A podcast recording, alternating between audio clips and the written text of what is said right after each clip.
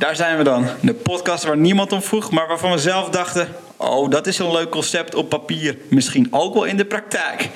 Hoewel je docenten altijd zeggen dat domme vragen niet bestaan, proberen wij met deze podcast het tegenovergestelde te bewijzen. Domme vragen bestaan zeker, maar ze leveren ook interessante antwoorden op. In Domme Vragen, Slimme Mensen stellen wij brede, kortzichtige, domme vragen aan een deskundige over zijn of haar vakgebied. Domme vragen die je nooit hebt kunnen of durven stellen aan slimme mensen. Wij zullen ze wel bespreken. In deze eerste aflevering van de serie gaan we het hebben over psychologie met dokter Erik Blauw. We praten over of vrouwen betere psychologen zijn dan mannen, of er ook goede verslavingen zijn en wie van ons naar een inrichting moet van Erik. Mijn naam is Louise de Vos. En ik ben Mark Kamps. En, voor Hans en Mag maken wij... Domme vragen, slimme mensen. Um, bij ons zit op gepaste afstand dokter Erik Blauw, lector verslavingskunde aan de Hans Hogeschool en nauw betrokken bij de studie toegepaste psychologie. Daarnaast is hij werkzaam als senior onderzoeker en als forensisch psycholoog bij Verslavingszorg Noord-Nederland. Dokter Blauw kruipt namens de wetenschap in de geest van stalkers, verslaafden en gedetineerden op zoek naar beweegredenen, patronen en gedragingen. Ja, welkom, uh, Erik, mogen wij zeggen. Jazeker. We mogen tutoyeren. Uh, laten we maar meteen met de deur in huis vallen met, maar we doen domme vragen natuurlijk. Uh, en ik denk dat dit waarschijnlijk een van de, van de meest gehoorde vragen ook is. Uh, is naar een psycholoog gaan eigenlijk niet gewoon een goed gesprek hebben met een wild vreemde? En, en zo ja, waarom zou ik zoveel geld betalen voor een goed gesprek met een wild vreemd iemand? Ja, dat is een hele mooie vraag. Uh, ja, het is inderdaad een gesprek met een wild vreemde. Uh, kracht is alleen dat de meeste mensen reageren vanuit een bepaalde uh, ja, zeg maar betrokkenheid. Mensen hebben heel vaak belangen. Ja. Uh, op het moment dat je iemand uh, bijvoorbeeld zou kunnen zeggen: joh, ik voel me nogal somber en ik voel me nogal depressief, dat mensen denken: ja, daar zit ik helemaal niet op te wachten. En reageren vanuit hun persoon dan, wat afhoudend bijvoorbeeld. Of uh, als het iemand is vanuit de directe omgeving, een naaste, een partner, een, een, een ouder of een kind, ja, die voelt meteen zoiets: oh jeetje, wat heb ik daar gedaan? Hoe heb ik eraan bijgedragen? Waardoor iemand die bepaalde klachten heeft, eigenlijk al meteen wat terughoudend daarin wordt. En denkt van, nou, dat weet ik niet of ik daar wel verder over kan praten. En waarom zou ik dan niet gewoon iemand op de hoek van de straat aanspreken die ik niet ken? Dat zou je kunnen doen. Ik, uh, ik denk dat je dan een beetje tegen gaat komen dat uh, mensen dat zelf dan heel erg lastig vinden om aan een wildvreemde uh, iets te gaan vertellen. Hmm. En dat het dan wel heel erg prettig is om te weten dat een ander op zijn minst erop voor gestudeerd heeft. dat hij ook een beroepsgeheim heeft.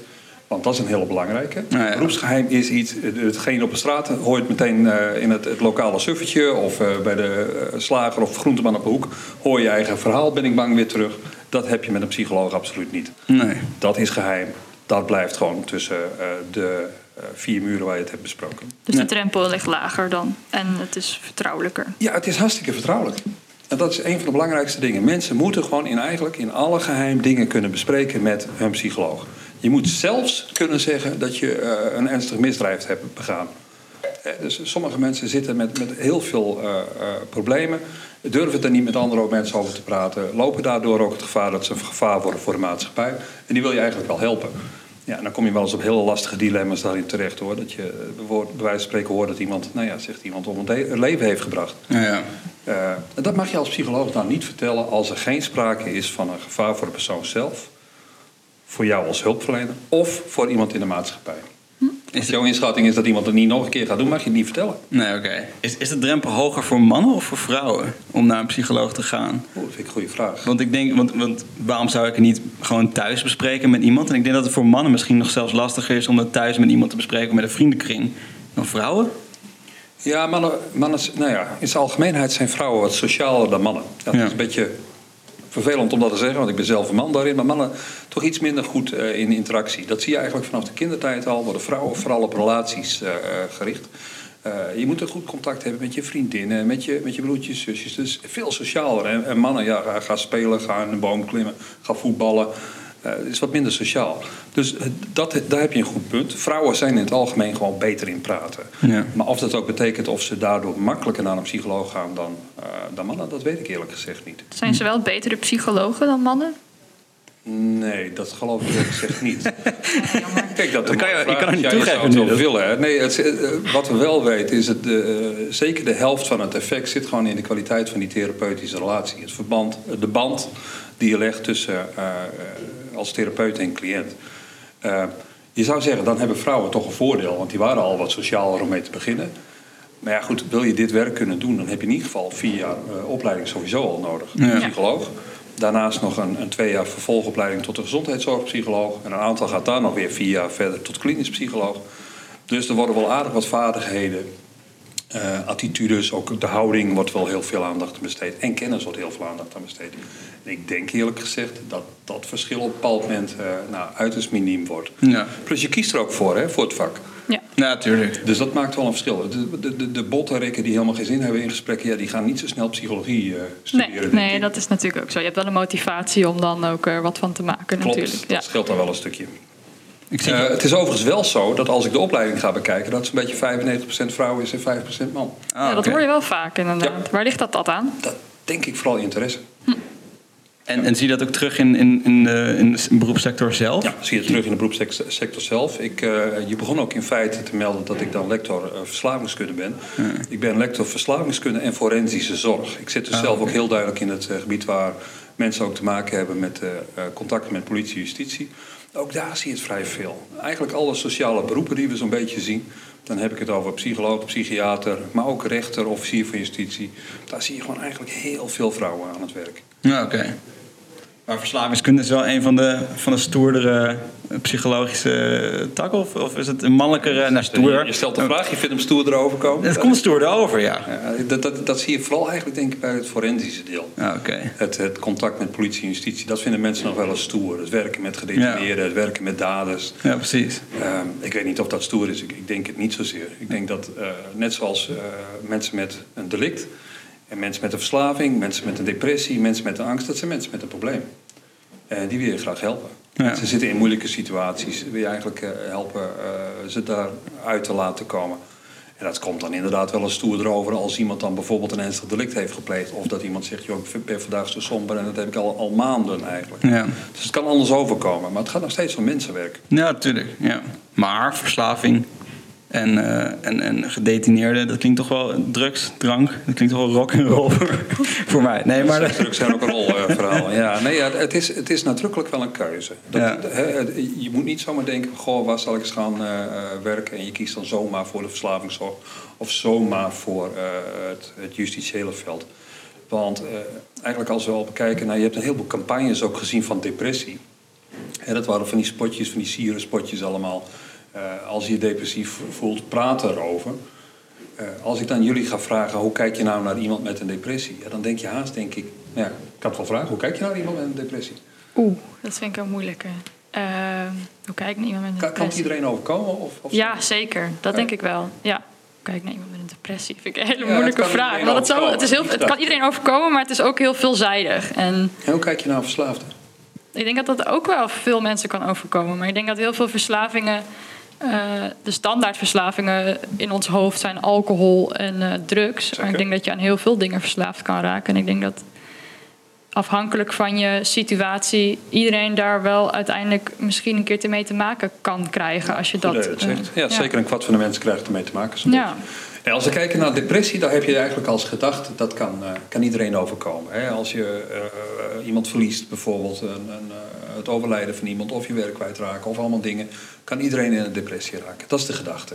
Als je kijkt naar verslaving, is heel vaak de gedachte, ja, daar moet er ook nog wel een karakterzwakte bij zitten. Het zijn wel een beetje de zwakke mensen die dat, eh, die dat worden. Ja. Want we hebben allemaal wel eens alcohol gedronken, misschien ook de meeste van ons toch wel eens wat, eh, wat pilletjes gehad of een joint gehad. Mensen die zich laten gaan. Ja, dat wat meer. Hè? Dat, dat is het idee.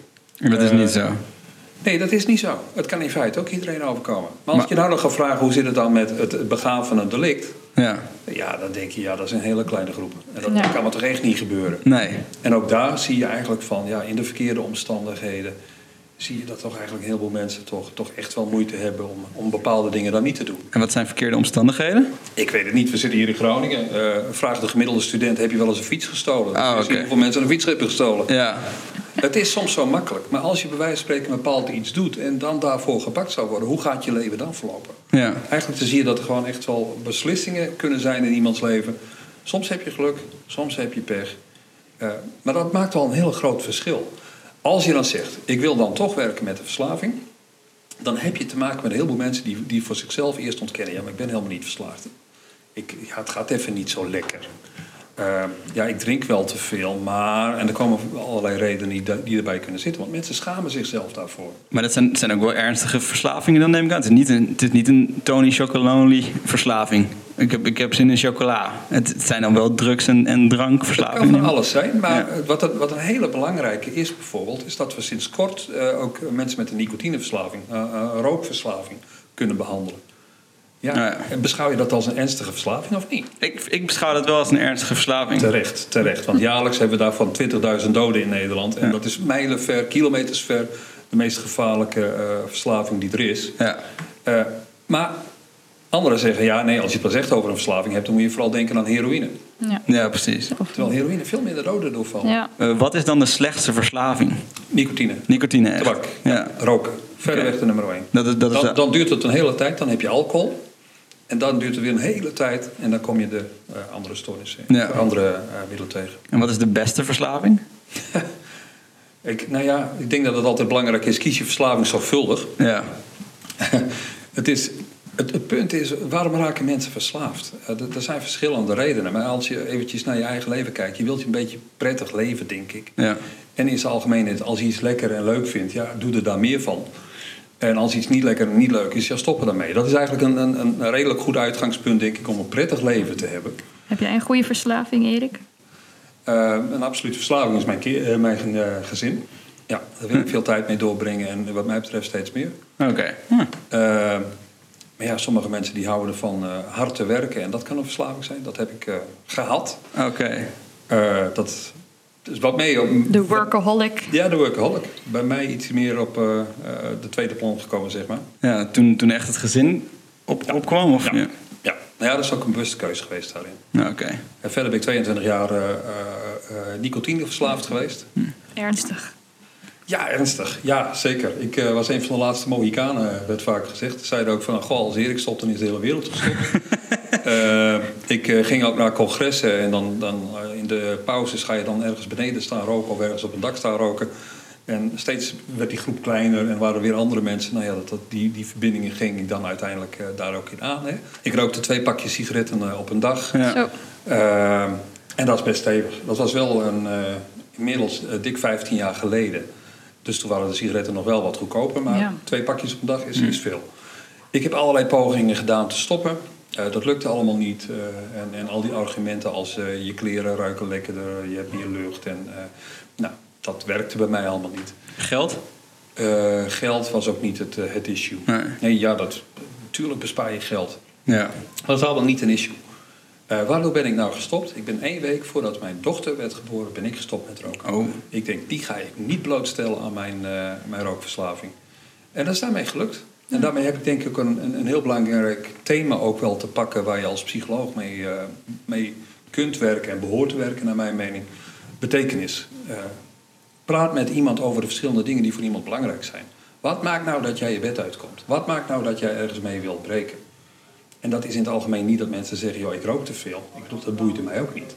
Het was wel dat ik dacht van, hé, wacht even, ik wil mijn dochter er niet aan blootstellen. Ja.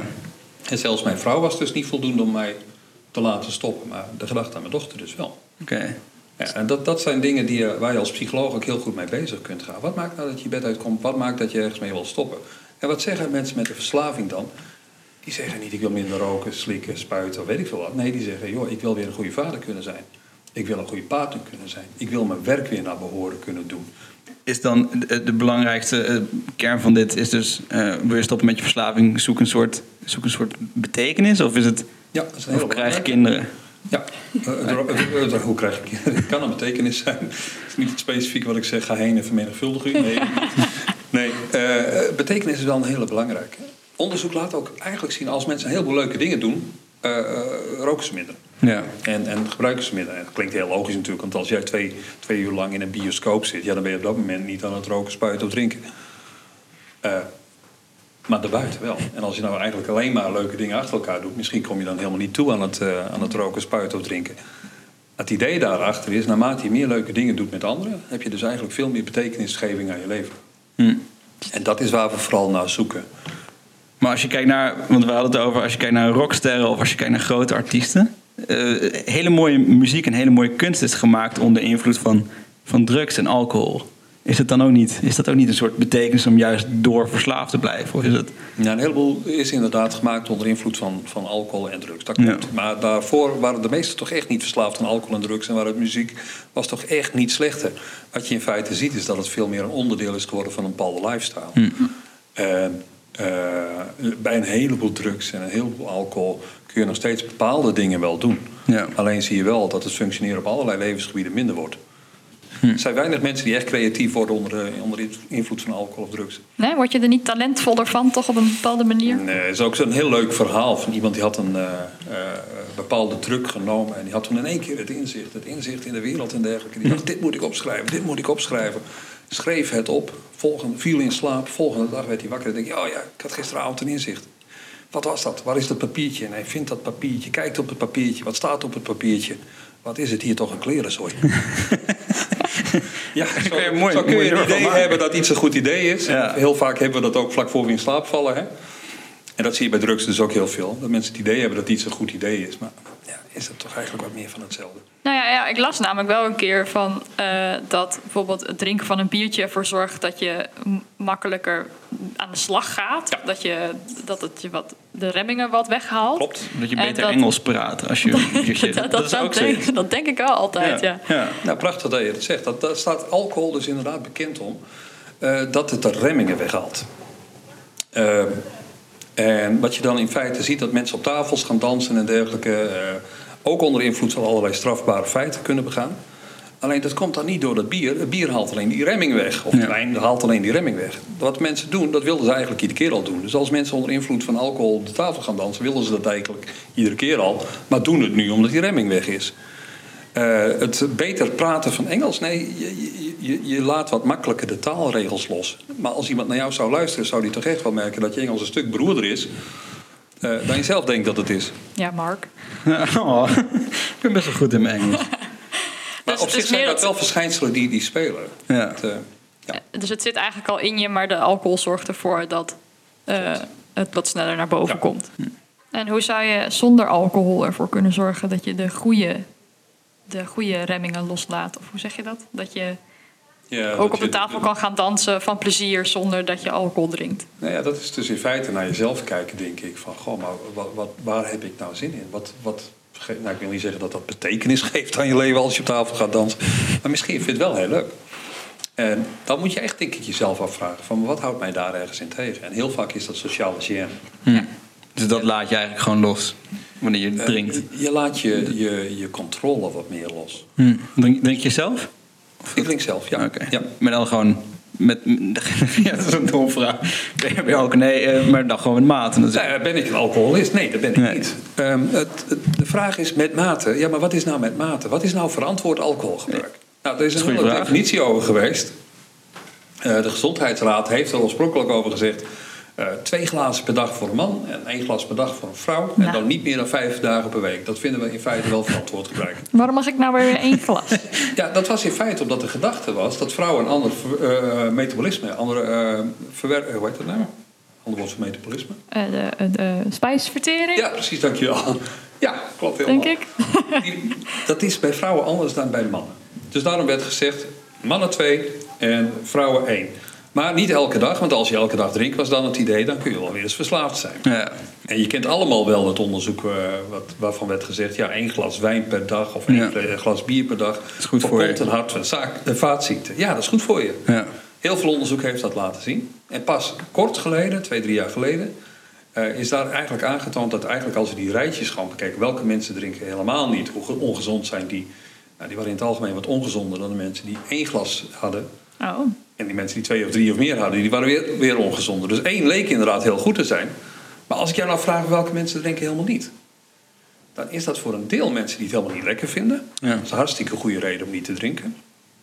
Maar er zitten ook voor een deel mensen zitten daarbij die helemaal nooit meer mogen drinken... omdat ze stevig hart- en Ja, hebben, allerlei ziektes hebben. En die hadden ze al. Dus in principe... En als we daar rekening mee houden, zie je dat die mensen... als je dan helemaal niet drinkt, dat dat het allergezondst is. Ja. Gezonder is er gewoon niet. Op basis daarvan heeft de Gezondheidsraad ook gezegd... van twee glazen voor een man en één glas voor een vrouw... werd het al één glas voor een man en één glas voor een vrouw... want dat verschil was allemaal niet zo groot. En vervolgens zeiden ze, ja, eigenlijk verantwoord alcoholgebruik is helemaal niet drinken. Maar ja, binnen VNN en overal, als wij nou zeggen je mag helemaal niet drinken, zie je meteen een flink aantal mensen de stress inschieten. Ja. Van ja, het is een heel sociaal iets. En als je veel stress hebt, is dat ook niet gezond. Nee. Dus wat wij vooral willen doen, is met mensen bepalen van ja, wat zijn realistische doelen? Waar kunnen we nou met elkaar aan gaan werken? Want als ik tegen jou zeg, je mag helemaal, ik weet niet, wat drinken jullie? Of Ja, Ja. als ik nou zou zeggen, je mag helemaal niet meer drinken. Dan denk je toch ook, ja, toedeledokie. ik zou dat jammer vinden. Maar dat heeft vooral het, het sociale aspect. eh, En dat moet een eigen keuze zijn. Ja. Ja. ja het Maar dus eh, aspect. u zou nooit de, de cold turkey methode aanraden? Dat, dat gaat niet over de methode. Oké. In feite kun je prima een, een cold turkey doen, zolang het maar in overleg met iemand is. Ja, oké. Dus het gaat om de motivatie van de Het persoon gaat om de zelf. motivatie en de begeleiding ergens bij. Oké. En, en, en wat heeft iemand nou nodig? Zullen we eh, doorgaan naar het meer psychologen gedeelte van... Oh ja, de- ja ik had, of had je nog een vraag Nou, over- ik had vooral de brandende vraag over waarom ik mijn buurman geen idioot Oh, meer ja. mag noemen. Waarom mag ik mijn buurman geen idioot meer noemen? Of debiel? Of imbeciel? vroeger, vroeger was dat volgens mij psychologisch jargon. Ja, klopt. En dat is eh, zwakzinnig. Of Ja. zoiets. Ja, en mijn buurman is gewoon een achterlijke idioot. Ja, jouw, buurman is, jouw, buurman is een debiel. Ja, waarom mag ik dat niet meer zeggen? Nou, heel, heel technisch gesproken mag je dat niet zeggen... omdat je dan eerst een intelligentietest moet hebben afgenomen. Nou, dat doe je meestal niet bij je buurman. Ik zal even Nee. een IQ-testje door de, door de brievenbus duwen. Kan wel. Nou ja, vroeger was dat inderdaad zo. Je had verschillende onderscheiden, debiel, imbeciel en eigenlijk allerlei benamingen. Dat is vervallen. Eh, daar is eigenlijk alleen de benaming eh, zwakzinnig en zwakbegaafd voor in de plaats gekomen. Waarbij eh, we hebben eigenlijk allemaal een, een bepaalde intelligentie. Op het moment dat je intelligentie wat lager is, eh, dan, dan kun je zwak begaafd zijn. Dan zijn je vermogens niet zo begaafd in feite. Nee. Is het dan nog weer wat eh, verder, wat minder, dan kom je op het niveau van zwakzinnig terecht. En daar hadden we eigenlijk verschillende gradaties. Je kon licht, matig of ernstig zwakzinnig zijn.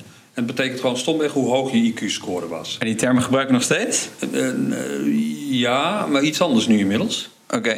Eh, want in feite, het enige wat je moest doen is een intelligentietest afnemen. Ja. En dan scoorde je 100, dan scoorde je mooi gemiddeld. Scoorde je beneden de 85 tot de 70, Ja. dan was je zwak begaafd. Van 70 tot 55 was dan licht, licht verstandelijk beperkt. En naar 55 en lager, dan kwamen enzovoort de, de matig eh, zwakzinnig en eh, eh, ernstig zwakzinnig kwam naar voren. Dat heet nu tegenwoordig anders. We spreken eigenlijk nog maar alleen maar over verstandelijke beperking. En zwak begaafd mag nog worden gebruikt. Maar wij laten het niet meer afhangen van alleen maar een IQ-score. Ja, oké. We zeggen in feite, op het moment dat jij een lage intelligentie hebt... en je hebt daardoor moeite om jezelf aan te passen... je hebt daardoor hulp nodig... dan mag je die termen gebruiken. Eh, dus pratend over jouw buurman... als die heel veel hulp nodig heeft... en hij heeft een laag intelligentieniveau... zou je eigenlijk moeten spreken van een mate van verstandelijke beperking... in plaats van de oude term imbeciel enzovoort. Dat is natuurlijk ook behoorlijk eh, stigmatiserend geworden. Hè? Het is gewoon een scheldwoord geworden. Maar is, ben je niet bang dat eh, eh, verstandelijke beperking net zo stigmatiserend wordt eigenlijk? Eh, voor een deel van de mensen eh, klinkt het zeker als stigmatiserend. Ja. Tegelijkertijd, het is een cognitief niveau. Ja. Dus het is het niveau van functioneren. Sommige mensen hebben stomweg een ondersteuning nodig. Maar zijn ze niet van imbeciel en debiel net zo? Ja, dat, oorspronkelijk was het een neutrale benaming. Ja. Maar dat werd een scheldwoord. En dan wil je natuurlijk absoluut niet daarmee geassocieerd worden. Je wilt ook niet de verslaafde worden genoemd. Wil je Nee. ook niet. Eh, op het moment dat je zegt, je- je bent een persoon met een verslaving... is het eigenlijk wel meer een onderdeel van je... in plaats van dat het heel erg overheerst. Iemand is ook niet een zwakzinnige. Nee. Iemand heeft een verstandelijke beperking. Iemand heeft een verstandelijke beperking. Hm. Hebben jullie in het vakgebied ook nog, de- als je bijvoorbeeld naar collega's kijkt, dat je denkt van ja, zo zou ik het zelf niet noemen? Dat is misschien aanstootgevend. Zijn er aanstootgevende woorden die nog wel die op het randje zitten? Nou ja, kijk, daar, wat, nou, we werken met een boekje. Daar staan in feite alle psychische stoornissen in. Ja. Dat is eh, de DSM, heet dat. Eh een vakjargon is dat je ook inderdaad wel praat over... eh, dus inderdaad een, neuroot of eh, mensen met een borderline persoonlijkheidsstoornis... of mensen met, nou ja, weet ik veel, psychotische stoornis, een schizofreen. Ja. Dat zijn inderdaad wel termen. Maar op het moment dat mensen dat zeggen van... eh, een persoon is een plaatje geworden... ja, dan is het wel behoorlijk aanstootgevend, vind ik eerlijk gezegd. Dan is iemand een schizofreen... in plaats van dat iemand een schizofrene stoornis heeft. Dan eigenlijk maak je iemand heel plat. Maak je iemand gewoon niet menselijk meer. Dus dan is dat gebeurt vaak. het is iemand heeft niet iets, of iemand is niet iets, maar iemand heeft iets. Klopt. Dus destijds zouden we kunnen zeggen, mijn buurman heeft een debiele stoornis. Of het, Toen hij heeft een onder- debiel functioneren. Ja. dat, dat is eigenlijk- Hij is geen debiel, hij heeft een debiel functioneren. Nee, en dat, dat heel vaak ja, zie je dan eigenlijk dat taal simpeler wordt. En dan noemen we het een debiel. Ja, ja. En dan noemen we het een verslaafde. Maar we moeten ons enorm realiseren dat het enorm stigmatiserend is. Ja, ja precies. Maar dat zit, ja, ik, ik heb altijd het idee dat het toch in, in de aard van de mens zit of zo. We zouden net ook heel veel mensen deugen, maar heel veel mensen zijn ook een beetje, ja, hoe zeg je, schertsend of zichzelf, die plaatsen zichzelf boven de rest door dit soort jargon te gebruiken. Ja, en dan mensen blijft het veranderen, lijkt Mensen mij. houden ervan om dingen ook eenvoudig te maken. Ja, Nou ja, je had het net over of, eh, of iets niet in de mens zit. Of het dan niet eh, in de mens zit om eh, nou ja, het allemaal simpeler te maken. Of dan maar te kiezen voor de, de stigmatiserende uitdrukking. Ja. Zou je ook kunnen zeggen dat bijvoorbeeld slechte dingen doen of agressie in de aard van de mens zit? Ja, kun je zeggen. Dus iedereen is potentieel crimineel. Nou, het punt is, iedereen heeft een bepaalde persoonlijkheid. Iedereen heeft een bepaald karakter. En als we even kijken naar eh, eh, dat karakter is... in feite de belangrijkste karaktertrekken... die zijn voor 50% genetisch bepaald. En 25% komt het voort uit je opvoeding... en 25% uit andere dingen. Dus je vader en je moeder, dat bepaalt al een heel belangrijk deel... wat, wat je zelf bent. Als je, als je vader en je moeder heel erg introvert zijn... eh, moeite met andere mensen te praten... Nou, dan kans levensgroot dat jij niet heel extrovert bent, maar dat je al een beetje eh, ook wat introvert bent. Je kunt wel behoorlijk verschillen van je ouders daarin, maar je slaat niet helemaal naar de andere kant van het, eh, de, de dimensie eh, in feite over. Dat erf je. Vijf belangrijke karaktertrekken erf je. Daar word je geboren. Dan vervolgens is de opvoeding enorm belangrijk. Eh, en als je nou vraagt van welke leeftijd is dan heel belangrijk voor die opvoeding, dan blijkt dat vooral de eerste 18 maanden te zijn. Zo. Dat is maar anderhalf jaar. Heel kort dus in feite. Hoe kan, hoe kan een kind dan worden beïnvloed? De eerste Wat denk je, 18. wat, wat denk je bij een, een, een, een, een klein kind, 0 tot anderhalf jaar? Wat Ja. is daar belangrijk? Ja, ik zou juist denken dat zo'n kind geen besef heeft van... Ja, oh, dat, dat is het waarschijnlijk. Hier gaat een besef van de wereld eh, hoe doe je dat? Het allerbelangrijkste is eigenlijk heel basaal. Het knuffelen, het vasthouden. Oh. Onvoorwaardelijke liefde. Oh, dat is veel liever dan dat ik had ja, verwacht. Ik dacht ik zat Dat is het meest basale. Hm. Die onvoorwaardelijke liefde, het, het, het vastpakken. Als een kind huilt, het vastpakken, het, het, het voorspelbare daarin. Maar vooral die liefde is enorm belangrijk. Ja. En een heleboel mensen die die liefde in feite niet krijgen, ja, is meteen al een, een hele lastige start in dat contact. Hebben in het algemeen ook meer moeite met wat we noemen hechting. Hè, dus, een goede band aangaan met andere mensen. Maar stel dat dat nou goed gaat. Hè, 50% genetica heb je, 25% opvoeding. Dus na die eerste anderhalf jaar onvoorwaardelijke liefde is, is er vooral ook duidelijke regels van belang. Dus in de opvoeding is het duidelijke regels erg belangrijk. En dat is na anderhalf jaar, dus meer als kleuter en peuter en dergelijke. Dus ik zeg niet veel regels, ik zeg niet weinig regels, ik zeg duidelijke regels. Daarna heb je die 25% andere factoren. En dat bedoel ik dan vooral contact met buurtgenoten, Ja. broertjes en zusjes, school, wat dan belangrijk wordt, cultuur, eh, religie. Die dingen worden dan belangrijk. Als je dan ziet dat als mensen de verkeerde basis hebben vanuit opvoeding, eh, genetica, Ja. verkeerde vervolg in de eh, opvoeding, ja, dan, dan, dan lukt het al haast niet meer om vanuit de omgeving dat dan bij te sturen. Oké, dus- dan ook nog een keer een verkeerde omgeving, ja, dan is het eigenlijk gedoemd te mislukken. Maar, maar over het algemeen, generaliserend, de mens is dan niet per se gewelddadig in aard. De meeste mensen niet. Nee. Nee. Ik, ik, ik ben er inderdaad echt wel van overtuigd dat de, de meeste mensen deugen. Ja. Oké. Als je maar genoeg geknuffeld wordt. Of lichaam, het is misschien plat gezegd, maar als je Ja. maar... Knuffelen is een belangrijke vanuit die 25% Ja. opvoeding. Maar de, de juiste genen is ook belangrijk. En ook nog een keer de juiste andere dingen. Want bij wijze van spreken, als mensen en de goede genen hebben... en een goede opvoeding... en maken dan bij wijze van spreken op, op een jeugdige leeftijd... iets ongelooflijk traumatisch eh, mee. Ja. Zoals bijvoorbeeld mishandeling, seksueel misbruik. Nou ja. Ja, dan, dan kan er een enorme knik in die eh, persoonlijkheid komen. ja. En dan gaan we even wat korte vragen doen. Korte, domme vragen. Ik ga korte domme antwoorden. Ja, Ja. precies. Even kijken, had jij... Had jij wat, slimme antwoorden was het, hè? ja, slim, slim antwoorden. Hoe, hoe eh, u bent psycholoog ook. Ja. Ehm, hoe weet u of iemand liegt? Er zijn boeken over geschreven over hoe we kunnen herkennen dat iemand liegt. Maar in het algemeen kunnen we dat gewoon niet goed herkennen. Er zijn wat van die kleine signaaltjes waar je op kunt letten of mensen naar linksboven kijken. Knipperen. Of, eh, wat, wat knipperen. En, eh, maar in zijn algemeenheid is dat een, een, een, eh, Een fabel We zijn er gewoon slecht in. Ja, dus het is niet dat je bij Blackjack kan, kan stellen wie liegt en wie niet. Eh, nee, ja, sommige mensen zijn daar kennelijk goed in. Maar Ja. eh, nee, op, op groepsniveau vinden we dat niet terug. U heeft geen onderbuikgevoel. eh. Ik heb regelmatig onderbuikgevoelen, maar die zijn even vaak eh, Oké. fout als goed, denk ik, als wat, er, eh, wat liegen betreft.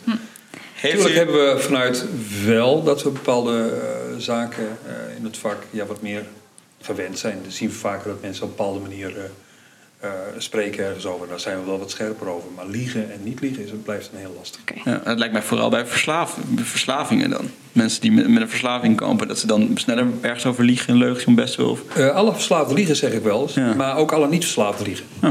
Ik bedoel, als ik jou ga vragen hoeveel heb je gedronken ergens eh, in een bepaalde niet- situatie en je voelt je niet heel erg trots over hoeveel je gedronken hebt, ga je automatisch zeggen dat je Ja. minder gedronken hebt. ja ik, Ook al ben, ben je niet verslaafd. ik ben best wel een leugenaar.